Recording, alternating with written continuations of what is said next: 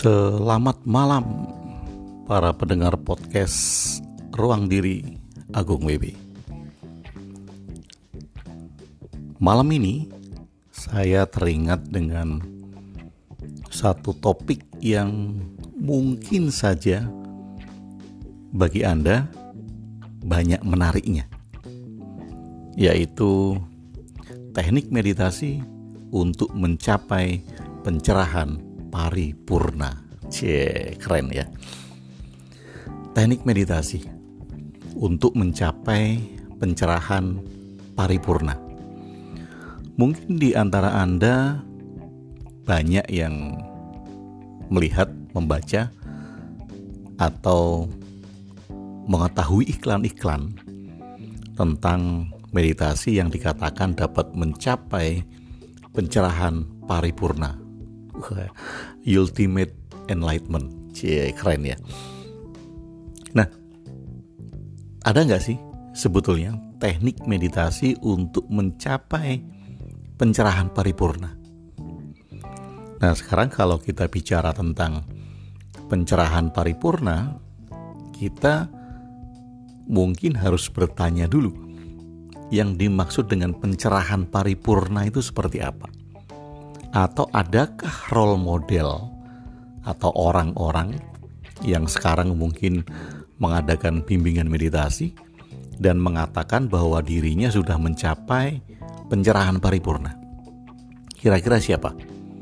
Kalau Anda pernah tahu ada seorang pembimbing meditasi yang mengiklankan dirinya sudah mencapai pencerahan paripurna, kemudian dia share teknik-teknik meditasi agar bisa mencapai pencerahan tersebut, mungkin Anda akan ingat-ingat siapa dia atau pernah nggak Anda tahu itu. Kenapa? Karena bagi saya ini sangat menggelitik sekali. Menggelitik dalam arti bahwa pencerahan, enlightenment, itu dijadikan sebuah achievement, sebuah goal atau sebuah tujuan. Dan tidak sedikit orang yang dalam melakukan meditasi tujuannya adalah ultimate enlightenment atau pencerahan paripurna. Ya entahlah mungkin di dalam pikirannya orang yang mencapai pencerahan itu mempunyai kadikdayaan, mempunyai kekuatan lebih, mempunyai A, B, C, D yang tidak dipunyai oleh orang-orang umum. Sehingga pencerahan paripurna menjadi sebuah tujuan atau bisa dikatakan itu menjadi sebuah komoditas yang diiklankan agar orang-orang melakukan hal dengan achievement tersebut. Nah, kita kadang-kala terjebak dengan pemahaman tentang enlightenment atau pencerahan ini.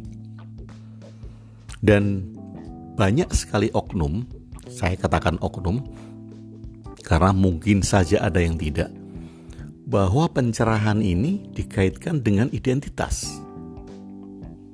Identitas. Jadi pencerahan ini dikaitkan dengan identitas.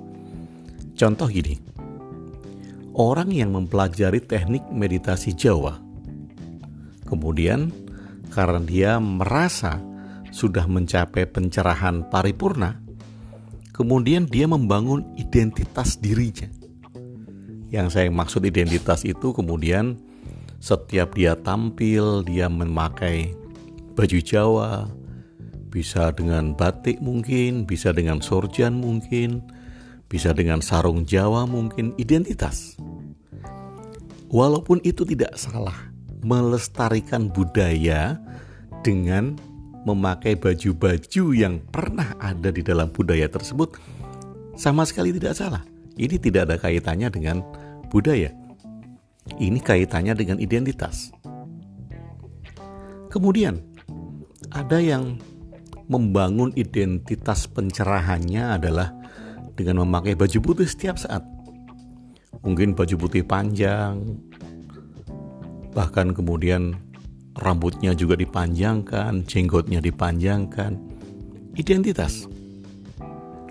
Ada juga yang membangun identitas dirinya untuk mengatakan kepada orang-orang yang melihat dirinya bahwa pencerahan yang dia gapai itu merupakan kehidupan yang kembali ke alam, sehingga sama sekali menghindari sabun, ke mana-mana tidak memakai sendal. Itu adalah identitas yang dibangun untuk pencerahan yang dia pahami sebagai kehidupan yang natural. Ada juga yang nggak potong rambut, walaupun terlihat acak-acakan, supaya apa? Supaya identitasnya terbangun bahwa ini adalah guru meditasi. Maaf. Nah, pencerahan paripurna apa? Atau yang bagaimana? Kalau kita melepaskan itu dari identitas, bisa nggak? Ketika Anda tampil apa adanya, Ketika Anda pengen pakai kaos, ya Anda pakai kaos. Ketika Anda pengen pakai sepatu, ya Anda pakai sepatu. Ketika Anda pengen pakai jas, ya Anda pakai jas. Ketika Anda pengen pakai batik, ya Anda pakai batik. Ketika Anda pengen pakai pakaian yang sesuai dengan Anda saat itu hari itu, ya Anda pakai hari itu. Jadi tidak ada identitas yang Anda bangun. Nah, ketika ada identitas yang dibangun, pencerahannya menjadi pencerahan yang egois. Pencerahan untuk membuktikan sesuatu. Ini ironis. Ya sangat-sangat ironis. Karena kita terjebak dengan pembuktian bahwa saya sudah mencapai pencerahan. Pato bahkan mengatakan bahwa saya sudah mencapai ultimate enlightenment, pencerahan paripurna. Nah, kalau kemudian kita tilik lagi, mungkin ada beberapa yang jujur mengakui bahwa ketika ditanya guru-guru yang mumpuni ditanya, pencerahan itu seperti apa sih? Mereka akan jujur menjawab, saya tidak tahu pencerahan itu seperti apa.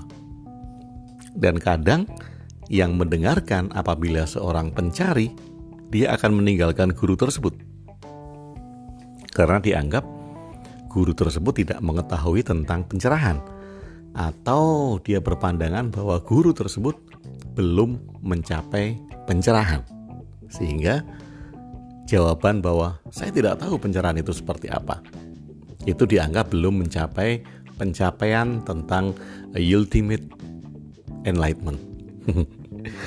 Kalau di dalam tradisi Zen, seluruh guru-guru Zen tidak akan menjelaskan tentang pencerahan. Atau bahkan ketika ditanya pencerahan itu apa guru, mereka akan menjawab bahwa saya tidak tahu pencerahan itu apa. Saya tidak mengalami pencerahan itu apa. Tapi kita kadangkala mencari sebuah sensasi dan kita mencari sebuah euforia sehingga ketika ada yang menawarkan teknik meditasi, untuk mencapai pencerahan paripurna, berbondong-bondong orang akan mengikutinya. Atau setidaknya mencoba karena apa? Achievement, pencapaian tentang pencerahan tersebut. Nah, sekarang kita kembali berefleksi tentang identitas tadi. Adakah identitas yang sedang kita bangun? Atau paling sederhananya begini, Apakah Anda ingin orang lain itu melihat Anda seperti apa? Orang lain ingin Anda ingin orang lain melihat Anda bijaksana. Sehingga Anda mengatur semua tutur kata Anda, posting-posting di media sosial Anda, baju-baju Anda, tampilan Anda itu menampilkan identitas bijaksana. Atau Anda mungkin ingin orang lain melihat Anda dengan identitas alami, natural. Sehingga bisa jadi Anda ke mana-mana tidak memakai sendal, tidak memakai sepatu. Kemudian Anda hanya mandi dengan air yang mengalir, tidak mandi pakai sabun, tidak keramas pakai shampoo, untuk menunjukkan identitas alamiah Anda. Jadi mungkin di sini Anda tidak hidup alami, tetapi Anda ingin menunjukkan identitas sebagai hidup alami. Atau kemudian bisa jadi Anda ke mana-mana menggunakan satu atribut.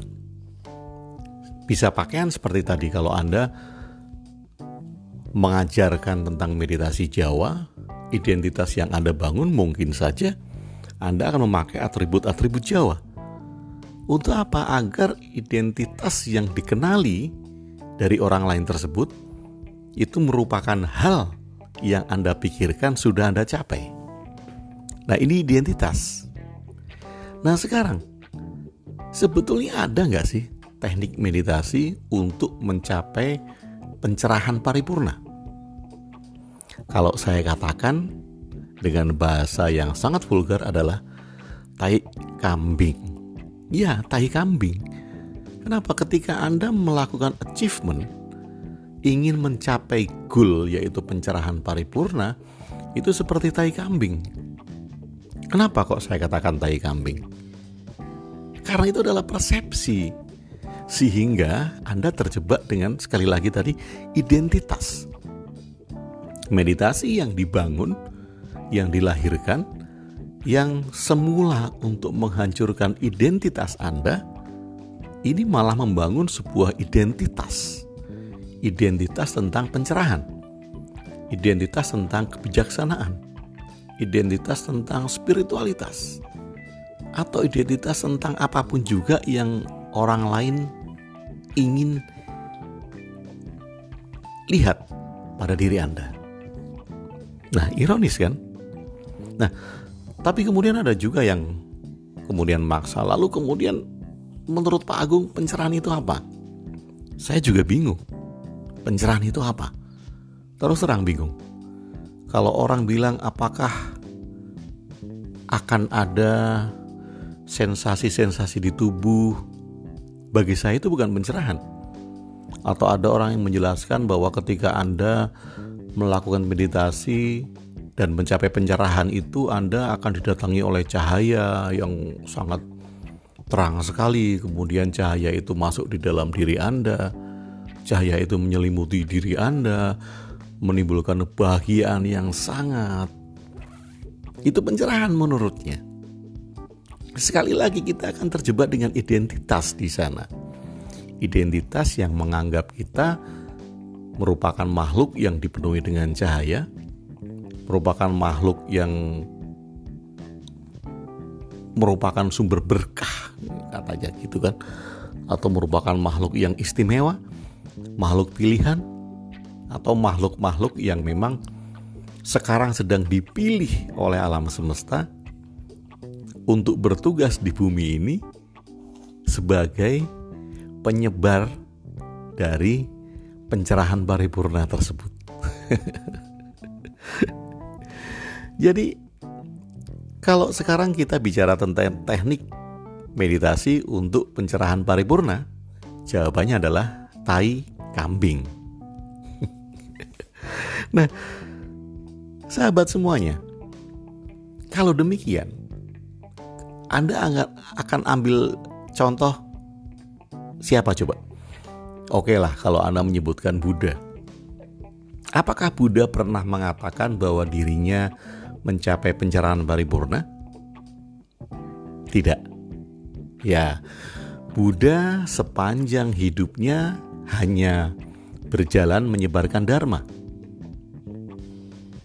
Kemudian siapa? Kalau Anda ambil contoh Nabi Muhammad, apakah Nabi Muhammad mencapai pencerahan paripurna? Dan beliau mengatakan bahwa sudah mencapai pencerahan paripurna? Tidak. Nabi Muhammad sepanjang hidupnya juga menjalankan dharma, kebaikan-kebaikan untuk masyarakat sekelilingnya. Siapa coba? Mungkin Anda bisa sebutkan satu contoh yang Anda anggap sudah mencapai pencerahan paripurna. Mungkin Anda bisa bilang, "Oh iya, karena dia setiap hari sudah memakai baju putih." "Oh iya, dia sudah memanjangkan rambutnya. Oh iya, dia sudah punya jenggot. Oh iya, dia sudah setiap hari nembang Jawa. Oh iya, dia sudah setiap hari hafal mantra-mantra Sanskerta atau dan segala macam. Itu adalah identitas. Identitas. Jadi kalau ada yang harus dikatakan tentang pencerahan paripurna, gampangnya begini bagi saya.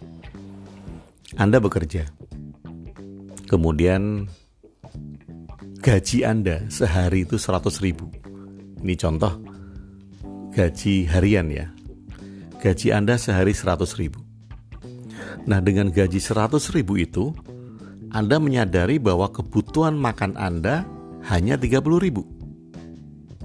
Nah, ketika Anda menyadari kebutuhan makan Anda hanya 30 ribu, sedangkan Anda punya gaji 100 ribu, kemudian Anda akan mengajak orang-orang lain yang tidak bisa makan untuk merayakan makan bersama Anda. Itu adalah pencerahan paripurna. Jadi, taik kambing dengan teknik-teknik meditasi untuk mencapai pencerahan paripurna. Yang sangat sederhana adalah melihat diri Anda sendiri. Apakah saat ini Anda sudah menyadari kebutuhan Anda? Kemudian apa saja yang Anda butuhkan dalam hidup? Dan sudahkah Anda mengajak orang lain untuk merayakan entah itu dalam kebutuhan makan, entah itu dalam kebutuhan bersenang bersama Anda, entah itu dalam kebutuhan yang lain yang tidak bisa dipenuhi oleh orang lain tersebut.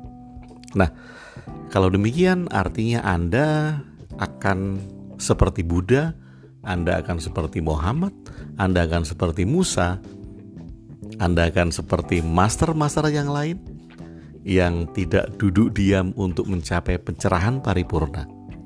Mereka berjalan, mereka take action, mereka mengajak masyarakat, mereka mengajak orang lain untuk melakukan hal-hal yang bermanfaat yang dimulai dari langkah-langkah yang sederhana, langkah-langkah yang mudah, dan langkah-langkah yang bisa dimulai saat itu juga. Jadi bagaimana? Bila Anda masih menginginkan teknik meditasi untuk mencapai pencerahan paripurna, jawabannya adalah tai kambing. Terima kasih sudah bersama saya di Ruang Diri Agung WW.